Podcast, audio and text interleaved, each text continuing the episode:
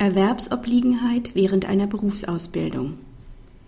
Im Grundsatz muss ab 1. Januar 2008 die gemeinsamen Kinder betreuende unterhaltsberechtigte Ex-Frau eine Vollzeittätigkeit ausüben. Eine vor der Unterhaltsreform begonnene Berufsfortbildung kann sie aber noch abschließen.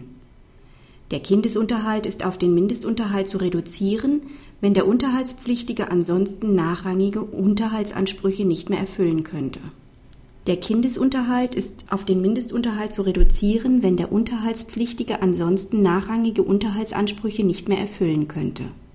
Betreut die geschiedene Ehefrau weiter die gemeinsamen Kinder im Alter von acht und elf Jahren, ist es ihr nach dem neuen Unterhaltsrecht zuzumuten, eine Vollzeitbeschäftigung auszuüben. Eine Ausnahme besteht nur noch dann, wenn beachtenswerte Gründe vorliegen, die eine eingeschränkte Erwerbstätigkeit rechtfertigen. Dies ist der Fall, wenn im Vertrauen auf die alte Rechtslage vom Unterhaltsberechtigten eine Berufsfortbildung begonnen wurde, die noch über den 1. Januar 2008 fortdauert und daneben allenfalls noch Zeit für eine geringfügige Tätigkeit verbleibt.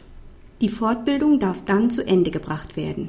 Dies kommt regelmäßig auch dem Pflichtigen zugute, da es wahrscheinlich ist, dass der Berechtigte mit der Zusatzqualifikation später eine besser dotierte Stelle finden und damit die künftige Unterhaltslast geringer ausfallen wird. Nach dem Ende der Fortbildung ist dem Berechtigten noch eine Orientierungsphase von einigen Monaten zuzubilligen, bis er eine angemessene Beschäftigung gefunden hat. Der Unterhaltsanspruch kann dann bis zum Ende dieser Schonfrist befristet werden, wenn keine anderen Anhaltspunkte vorliegen und der Berechtigte unter Berücksichtigung einer adäquaten Vollzeittätigkeit seinen eher angemessenen Bedarf selbst decken kann kann der Verpflichtete zwar den vollen Bedarf seiner vorrangigen unterhaltsberechtigten Kinder decken, jedoch nicht mehr den darüber hinausgehenden Bedarf nachrangiger Berechtigter, liegt kein absoluter Mangelfall vor. Für eine ausgewogene Bedarfsdeckung ist daher der Kindesunterhalt auf den Mindestunterhalt herabzustufen.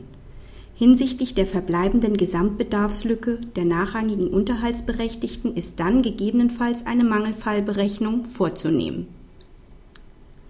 Praxishinweis.